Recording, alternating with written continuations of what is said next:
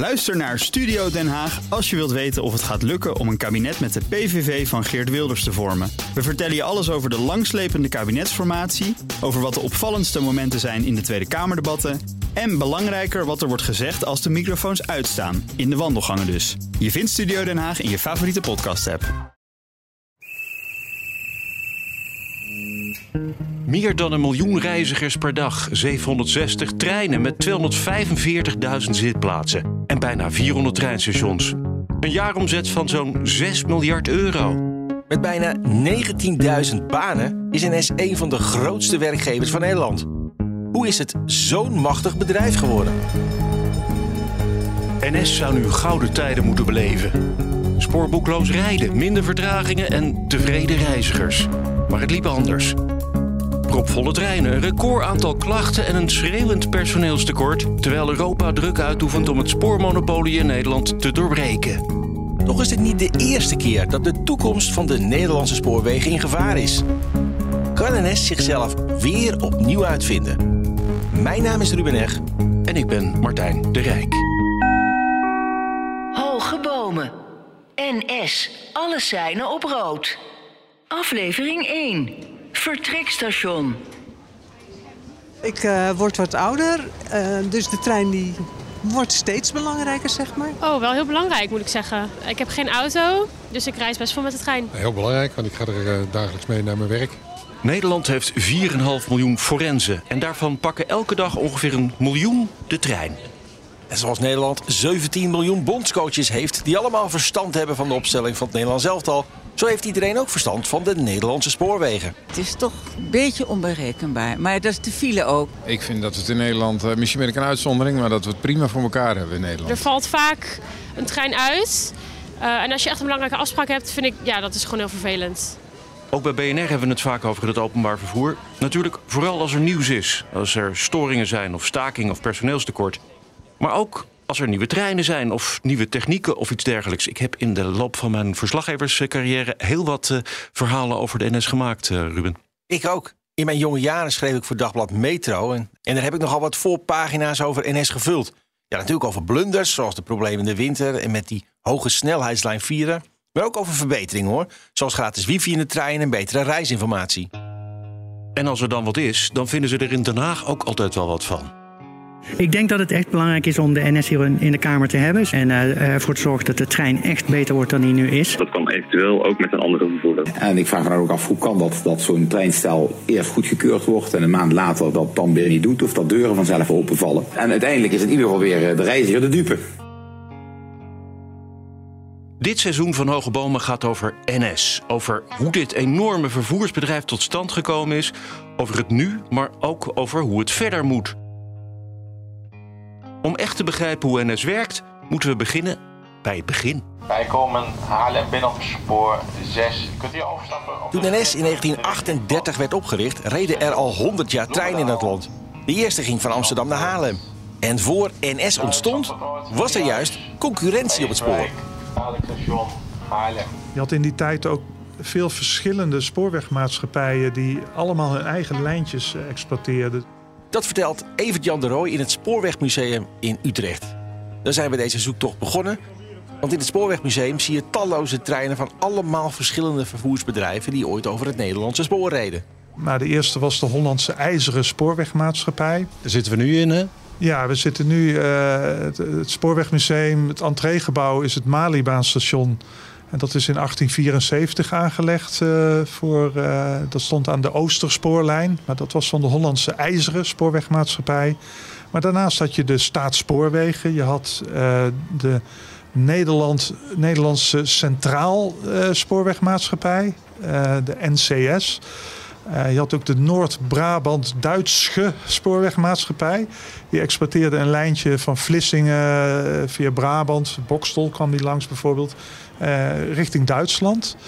Um, dus ja, dat, die schoten eigenlijk als paddenstoelen uit de grond, die spoorwegmaatschappijen. En die beconcurreerden elkaar ook tot op het bot. Dus die, uh, ja, die hadden allemaal hun eigen toko.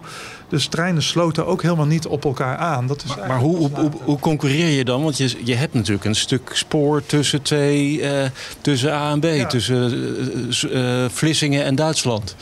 Daar kun je met een lijntje Amsterdam-Haarlem niet tegenop concurreren, toch? Nee, ze hadden wel specifiek uh, een eigen, eigen doelgroep, zeg maar. Maar je had dus ook lijnen, vooral toen er meer spoorwegen werden gebouwd. De Hollandse IJzeren Spoorwegmaatschappij legde bijvoorbeeld de Oosterspoorlijn aan. En die takte bij Hilversum af richting, richting Utrecht. Dus dan kon je met de HSM kon je dus van Amsterdam naar Utrecht reizen. Maar dat kon je dus ook met uh, de, de Staatsspoorwegen of de NCS uh, doen. Die ging Amsterdam, Utrecht richting Arnhem. Hè, dus uh, dus je, je, kon linksom of rechtsom kon je gewoon routes, routes kiezen. En ja, iedereen wil natuurlijk zelf geld verdienen op hun lijnen. Dat lijkt een klein beetje op de situatie van nu ja, wat we nu hebben is concurrentie op het spoor. En dat hadden we in de 19e eeuw ook. Uh, eigenlijk in begin 20e eeuw begonnen die, uh, die spoorwegen samen te werken. Dus die gingen toch langzaam wel een beetje hun, hun tarieven op elkaar afstemmen, bijvoorbeeld. Um, en in 1917 zijn ze ook gewoon nauwer gaan samenwerken.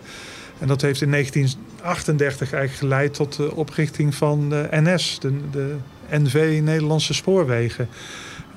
De, dus in 1938 zijn al die uh, maatschappijen gefuseerd. Had dat maar, ook een beetje met de mobilisatie te maken? ja, het, het had eigenlijk met de Eerste Wereldoorlog te maken. Want na, vooral na de Eerste Wereldoorlog, toen ging het heel slecht met de spoorwegen. Europa had natuurlijk oorlog gevoerd, minder mensen namen de trein.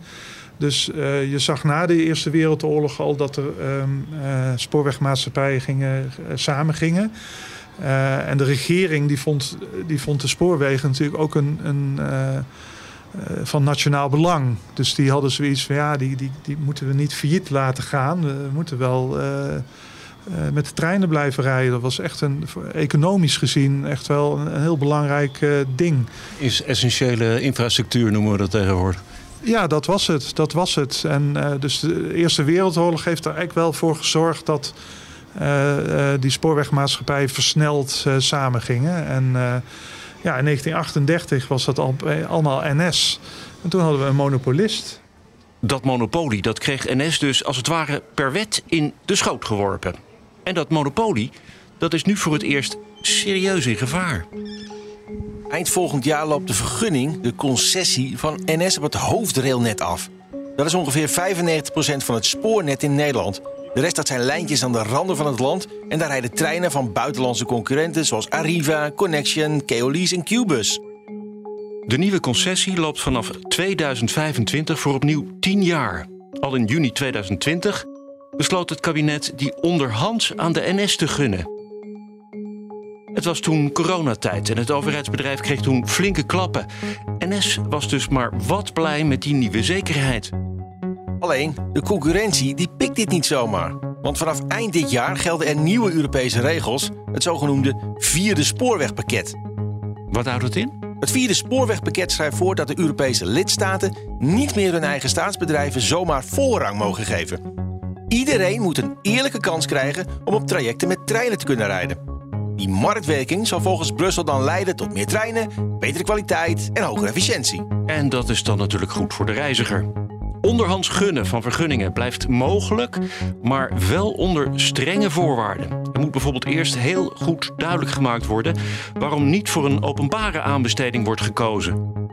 Dat heeft Nederland voor die nieuwe concessie dus niet gedaan. En dat pikten de regionale vervoerders niet. En ze stapten naar de rechter. Eind mei was er een uitspraak. De rechtbank heeft heel uitgebreid gemotiveerd dat eh, de partijen aan het verkeerde loket zijn. Ze moeten echt wachten tot er een definitief besluit is en dan uh, naar de bestuursrechter. En dat definitieve besluit, dat is de, de minister die uh, een aanbesteding richting NS ook echt werkelijk onderhands verleent? Er is op dit moment alleen een voornemen voor de aanbesteding om die te gunnen opnieuw aan de NS. En zodra dat besluit definitief is, dan kunnen partijen naar de bestuursrechter. In gewone mensentaal, verkeerde tijdstip aan het verkeerde loket en dus is er geen uitspraak.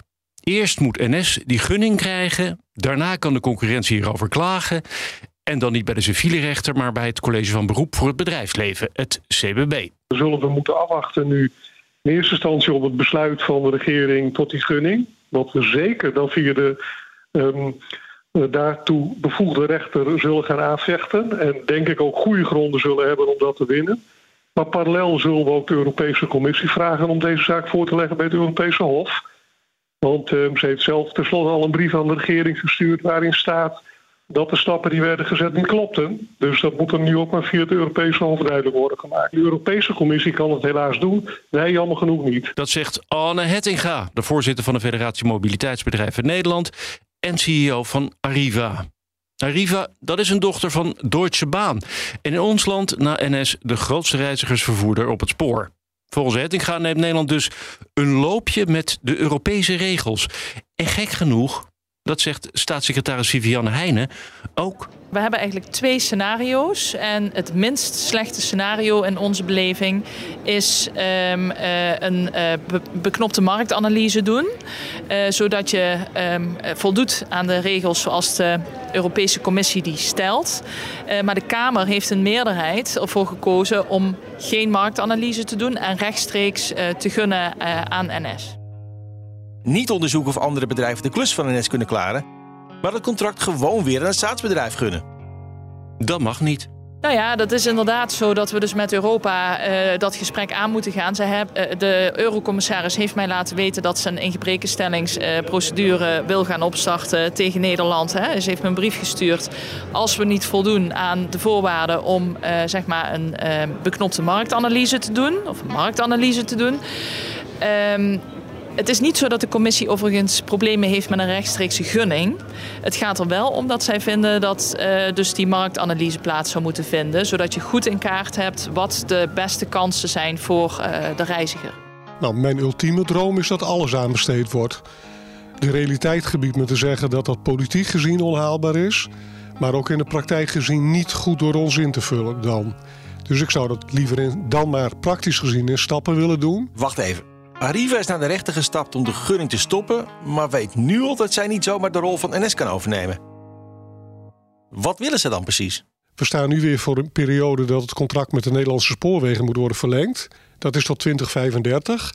En in die periode zou het goed voor die reiziger zijn als een deel, en het gaat om ongeveer 20 regionale lijnen, eruit wordt gehaald. Dat gaat de stabiliteit van het netwerk enorm ten goede komen. De prijsvorming ten goede komen. Het comfort, want dat zijn allemaal dingen die we de afgelopen jaren hebben laten zien. Dat we dat beter doen dan de voorganger. En ja, dan heb je ook een, een, een omvang als bedrijven die nog behapbaar zijn. Wij kunnen niet het hele hoofddeelnet in één keer overnemen. Dat, dat zou uh, veel te stoer zijn. Maar die 20 spoorlijnen kunnen we met z'n allen heel goed aan. En welke spoorlijnen moet ik dan denken?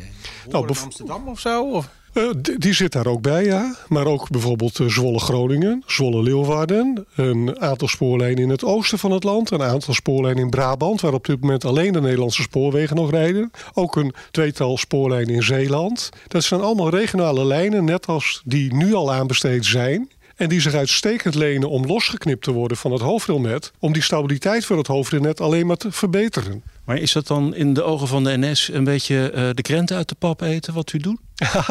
nee, want ze noemen die zelf onrendabel. Dus dat zou ik geen krenten willen noemen. Ik heb... Uh, ze houden niet van krenten bij de NS. Uh, nou, ik weet niet wat, ze, wat hen drijft om dit toch te willen houden. Anders dan gewoon maar angst. En ik vrees ook een heel klein beetje dat het een, in de richting van bijvoorbeeld vakbewegingen en zo een, een houding is die maar volgehouden wordt.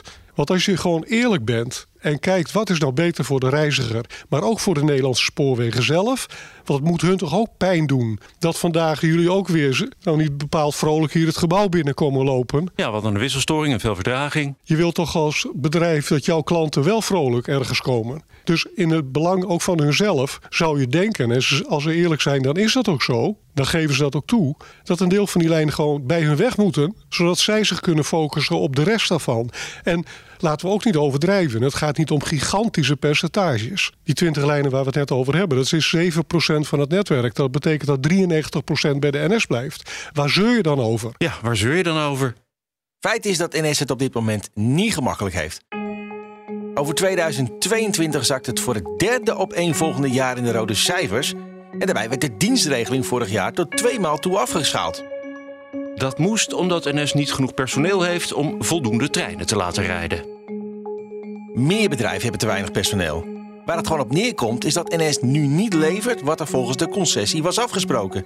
En heel eerlijk, dat gebeurt NS wel vaker. Bijvoorbeeld met de vergunning van de hogesnelheidstreinen. Die had er al lang moeten rijden. Wij deden mee met die aanbesteding. En de Nederlandse spoorwegen die zouden die moesten het hebben dus. Er is nog een hele parlementaire enquête over geweest. Ik heb daar zelf nog mogen eh, getuigen. En ik heb me echt verbaasd over alles wat daar werd gezegd. Het aantal blunders met betrekking tot die Vira, nou, die zijn niet te tellen. Als er gewoon in die periode was gegund aan de toenmalige combinatie Deutsche Bahn Arriva, die al lang met HSL-treinen rijdt en reed ook. Kijk maar om je heen, die grote witte, prachtige witte snelle treinen, die zijn van Deutsche Bahn. En Arriva schreef toen met Deutsche Bahn in in 2002. We werden tweede, maar dat zou in het moest naar de NS. Nou, we hebben nog geen HSL-trein, het is 2022. Nou, de, bescherming van de Nederlandse spoorwegen gaat wel erg ver hè, momenteel. Voorlopig komt die HSL niet weer op de markt. De bescherming van NS gaat wel heel erg ver, zegt de concurrentie. NS is klaarblijkelijk heel belangrijk voor ons. Is dat omdat het de Nederlandse spoorwegen zijn? Zou het de reiziger iets uitmaken of de trein Nederlands, Duits of Frans is? Of heeft NS een bepaald economisch belang dat zo belangrijk is om te beschermen? Stel, NS raakt de vergunning op het hoofdrailnet kwijt. Wat blijft er dan over van het bedrijf? En is het erg als de concurrentie erin slaagt om meer regionale lijnen bij NS weg te kapen?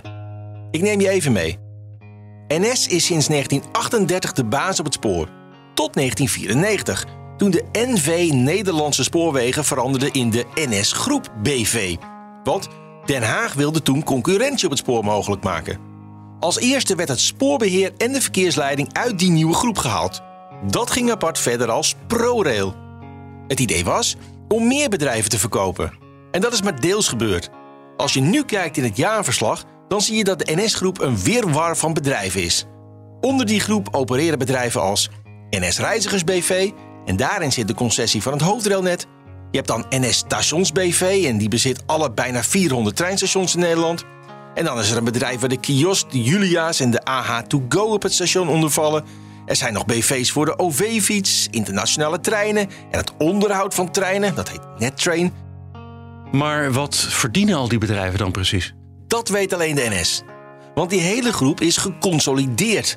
En dat betekent dat alle onderliggende bedrijven hun jaarverslagen niet hoeven te deponeren. Lees, die hoef je niet bekend te maken. Maar NS is in handen van de staat, dus dan kunnen we erachter komen. Desnoods met een beroep op de wet Open Overheid, de WHO. Nou, dat kan ik proberen, maar dan word ik zes maanden aan het lijntje gehouden en dan krijg ik de informatie toch niet. Want de overheid is slechts aandeelhouder en geen eigenaar van NS. NS is namelijk een particulier bedrijf waar de overheid aandelen in heeft. Net zoals dat is bij ABN AMRO, de Volksbank en KLM. De staat mag dan wel aandeelhouder zijn. Dat betekent niet dat die bedrijven allemaal informatie zomaar moeten openbaren als je daar als burger om vraagt. Sterker, dat mag ook helemaal niet, omdat het marktverstorend zou kunnen werken. We moeten het dus doen met wat we in de jaarcijfers vinden. En daarin staat dat NS ruim de helft van zijn brood verdient met inkomsten gerelateerd aan vervoer per trein. Ja, nogal wie dus, hè? Ik ga het even versimpelen. Als je bij die inkomsten kijkt, dan wordt ongeveer 60% verdiend met inkomsten die met vervoer per trein samenhangen. Ongeveer een kwart is subsidie en dan verdient NS nog 15% van zijn geld met stations.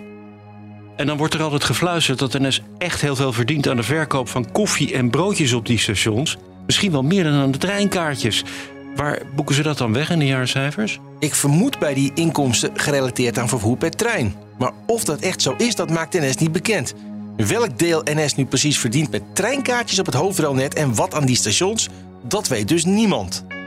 Maar wacht eventjes, als NS nu het hoofdrailnet zou kwijtraken, dan moet de nieuwe concessiehouder wel stoppen op de stations van NS en dan blijven ze daar dus gewoon geld verdienen. Inderdaad. Sinds dit jaar haalt de Nederlandse spoorwegen zijn omzet alleen nog maar uit Nederland. Twintig jaar terug met die marktwerking ging NS heel dapper de grens over. Maar begin dit jaar werd de Britse dochter Abellio verkocht. Want door problemen met volle treinen en ontevreden reizigers werd in 2018 besloten dat NS zich alleen nog ging richten op de kernactiviteiten. De buitenlandactiviteiten van NS die moeten voortaan bijdragen aan het belang van de Nederlandse reizigers. Zo zei toenmalig directeur Roger van Bokstel. Wij hebben nu gezegd, focussen, lever gewoon weer een goede prestatie op het hoofdrailnet. Ga dan eens even niet bieden op regionale netten. Daar zijn ook andere partijen voor. Dus die Thalys naar Parijs en de Eurostar naar Londen, daar heeft de Nederlandse reiziger wat aan. Maar dus niet aan forensenverkeer in uh, Hartje Engeland. Dat maakt in ieder geval de boel bij NS een stukje overzichtelijker. Duidelijk is nu wel dat NS geen Europees vervoersbedrijf meer is, maar een die de Nederlandse economie ondersteunt. En dus voor Nederland economisch-maatschappelijke waarde heeft. Al plak je daar dus niet zomaar een helder prijskaartje op. Feit is wel dat de trein vanaf het begin heel belangrijk was. Economisch, maar zeker ook maatschappelijk. Het was natuurlijk de eerste grote uh, lange afstandstechnologie. Hè? Dus voordat uh, de auto er was, was de trein er al. Dus dat bracht natuurlijk heel veel mogelijkheden met zich mee. Dat is Erik Verhoef, vervoerseconoom van de VU. We spreken hem tussen de treinen en de A10 op het perron van Amsterdam-Zuid om de hoek bij de VU. Dus een deel van de, van de industrialisatie die we hebben gezien in de, in de moderne samenleving... dat kwam ook dankzij de trein. Ja, het was er eerder uh, dan de auto. Het is ook omdat het uh, eigenlijk een heel handig vervoermiddel is. Dat de trein snel belangrijk werd kun je zien in de cijfers van het CBS. Die heeft informatie over het aantal reizigers per spoor vanaf 1900. Er gingen toen al 33 miljoen reizigers met de trein. Zo, 33 miljoen in 1900. Toen waren er pas 5 miljoen Nederlanders. En die namen dus in die tijd best wel vaak de trein. Ja, want er was nog geen auto en ook de bus was er nog niet. En als je gaat verder kijken, dan zie je dat na de Eerste Wereldoorlog in 1918 we al op 60 miljoen mensen zaten en 81 miljoen reizigers in 1938, toen NS werd opgericht. Zo werd de trein in een eeuw tijd economisch en maatschappelijk ongekend belangrijk. Zo werd ook de Forens geboren. Zou het eh, CBS ook cijfers hebben over de economische waarde van de trein door de jaren heen? Ik heb het ze gevraagd, maar ze zeggen dat ze helaas niet over deze informatie beschikken. Het CBS stuurt me wel een rapport over de bijdrage van het vervoer over land aan de Nederlandse economie. Daarin zie je dat in 2020 de toegevoegde waarde van deze sector 10,9 miljard euro was. En goed voor 186.000 fulltime banen. Leuk, maar een onderverdeling om het spoor uit te splitsen, nee, dat kan het CBS helaas niet maken. Ja, wie heeft er dan wel een, uh, een, een inschatting van die economische waarde van het spoor? De cijfers van het aantal reizigers per spoor lopen steeds flink op. Met een hele harde stijging vanaf 1979. Maar als je dan nog eens goed kijkt in die CBS-cijfers, dan zie je dat in de jaren 60 er juist een daling te zien is. Kunnen we die daling misschien vergelijken met uh, de problemen van nu? Terug naar Evert-Jan de Rooij van het Spoorwegmuseum. In de jaren 60 ging het helemaal niet goed met, uh, met de Nederlandse spoorwegen. Ze hadden zwaar te lijden van concurrentie. Uh, autoverkeer kwam natuurlijk op, vrachtverkeer. Uh, het vliegtuig, mensen konden ook makkelijker het vliegtuig op vakantie gaan bijvoorbeeld. En de bus? En de bus, openbaar ja, andere vormen van openbaar vervoer. Dus NS zat in financieel zwaar weer. Dus er moest eigenlijk wel iets veranderen. NS was van oudsher een heel hiërarchisch bedrijf, eigenlijk een beetje op militaire leest uh, geschoeid. Hè? Heel uh, nou, top-down, uh, zeg maar. En het was niet echt een modern bedrijf. Het, het was ja, niet heel flexibel, het, het was conservatief. En nou ja, toen ging het niet zo goed met de financiën. En toen moesten ze, ze, ja, ze moesten iets. Ze moesten echt veranderen. En Stond er ook echt de toekomst van het bedrijf op het spel? Dat het spoor überhaupt nog wel iets van deze tijd zou zijn? Ja, ik denk dat dat in die tijd wel, wel speelde. Ja. Van, uh, ja, is de trein ja, gaat, gaat hij het niet afleggen tegen, uh, tegen het bus en tegen het uh, autoverkeer. Ja, en toen is er een, een plan gekomen, dat heet Spoorslag 70. En dat was eigenlijk een beetje een leidraad om het, om het bedrijf te, uh, te moderniseren. En toen ja, zijn ze andere dingen gaan doen. bijvoorbeeld zijn ze meer in doelgroepen gaan denken. Dat was een nieuw woord, stel ik me zo voor in die tijd. Ja, in die tijd wel. Ja. ze gingen verschillende kaarten verkopen. Een meermanskaart, een kortingskaart, en de seniorenkaart, de tienertour bijvoorbeeld, oh, is toen ook ja. uh, bedacht. Dus ze probeerden eigenlijk op alle mogelijke manieren uh, uh, die mensen de trein in te trekken. En ja, de prijs was daar een, een, instrument bij, maar ook zeg maar de, de hele vormgeving. Op de volgende autosnelwegen staan files. Met grote hardnekkigheid rijden duizenden automobilisten zich dagelijks vast in files. En nog maar weinigen van hen wagen de overstap naar het openbaar vervoer... dat in de laatste jaren veel doet om het reizigers gemakkelijk te maken. Ja, mensen waren natuurlijk ook wel op zoek naar wat meer comfort. En uh, Hollanders en prijs, dat, dat, dat werkt wel. Als ik, naar de, als ik naar de supermarkt ga, dan sta ik ook altijd een beetje op de aanbiedingen te letten. En ik denk dat dat wel een beetje de volksaard is. Uh, de Tina-tour bijvoorbeeld was echt een doorslaand succes. Dat zijn ze ook begonnen. Maar ja, al die tieners die gingen natuurlijk massaal op Tina-tour in de zomervakantie. Zou je niet de zomer ergens heen gaan? De toeter zegt, ik ben al daar. Ik heb het hier gezien. In de jaren 60 verloor de NS de concurrentie dus met de auto en de bus. Dat zagen we dus in de cijfers van het CBS. Vanaf 10 december gaat een nieuwe dienstregeling in. Hierdoor gaan veel dingen veranderen. Er een nieuwe dienstregeling en nieuwe abonnementen, dat werkt. Vanaf 1970 zie je direct het aantal reizigers weer groeien. Voor het eerst worden in één jaar meer dan 8 miljard reizigerskilometers gemaakt op het spoor. Alleen winst is er dan nog niet. Dat duurt nog tot 1984. In dat jaar wordt er 28 miljoen gulden winst gemaakt. Eindelijk opereert NS als een bedrijf, klinkt het in Den Haag. NS is terug op het goede spoor, kopt de Telegraaf. Wat zien we hier, Hans? De schijfremmen? Ja, de schijfremmen, ja, inderdaad. Dat is een, eh, een zeer behoorlijk uh, remsysteem... dat uh, veel beter remvertragingen oplevert dan de oude blokkenremmen... die tegen de wielband aandrukten. Dat is de ATB. In 1989 is het feest. De Nederlandse spoorwegen bestaan 150 jaar. Op Nederland 3 wordt de hele dag meegereden op een speciale trein. de komst van de TCV naar Nederland wordt bekendgemaakt. We krijgen een hoge snelheidslijn. De economie is booming, bedrijven gaan naar de beurs... Na KPN is de euforie in Den Haag te proeven. Kan ook NS niet naar de beurs?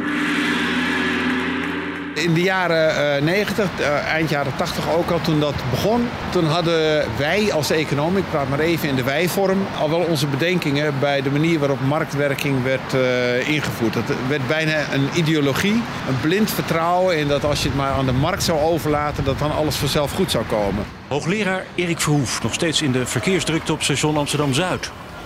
Bij NS zaten ze niet te wachten op de marktwerking op het spoor. Oud-Philips-topman Jan Timmer was in die tijd president-commissaris van NS.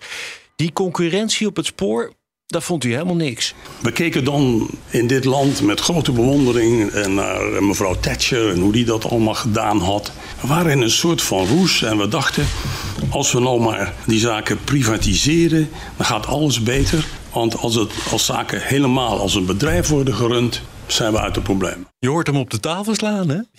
ja. And what's more, millions have already become shareholders. And soon there'll be opportunities for millions more in British Gas, British Airways, British Airports and Rolls-Royce. Maar je kan een situatie in Engeland niet vergelijken met die in Nederland. Ik heb als bezwaar tegen introductie van concurrentie eh, op het spoor altijd gezegd: hoe moet ik me dat nou voorstellen? Als ik van Groningen naar Den Haag wil, kom ik dan in Groningen op het station, zie ik aan de ene kant het blauw-geel van de NS en aan de andere kant het roze van mijn goede vriend Branson. Ik vond dat een volstrekt onpraktisch, irrealistisch idee. Timmer en NS die wilden het dan niet, maar die concurrentie op het spoor die kwam er toch.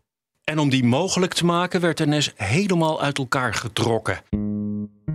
Om te beginnen de treinen en het spoor zelf. En daarna de verkeersleiding en het treinonderhoud, het vrachtvervoer, de stations enzovoort. Want ook die konden allemaal misschien wel verkocht worden. En zo ging de deur voor concurrenten open, maar werd tegelijk die huidige weerwar van bedrijven onder de NS-groep geboren. Ondertussen gingen we meer vragen van de trein als reiziger. Meer luxe, altijd een zitplaats, geen vertragingen en vooral door de marktwerking zo goedkoop mogelijk. We kregen een druk bereden, maar ook een kwetsbaar spoornet. Zo ontdekken we in deze podcastserie. Over de kwetsbaarheid van het spoor hoor je meer in aflevering 2 van Hoge Bomen NS. Alles zijn op rood.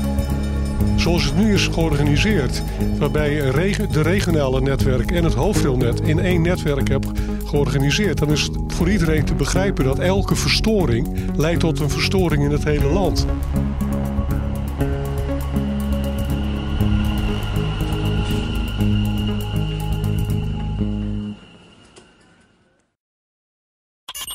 Ook Liesbeth Staats vind je in de BNR-app. Ja, heel handig. Luister live naar Kees en mij tijdens de Daily Move. Dan blijf je ook gelijk op de hoogte van breaking news en het laatste zakelijke nieuws. En daar vind je ook alle BNR-podcasts, waaronder de Perestrooikast. Download nu de gratis BNR-app en blijf scherp.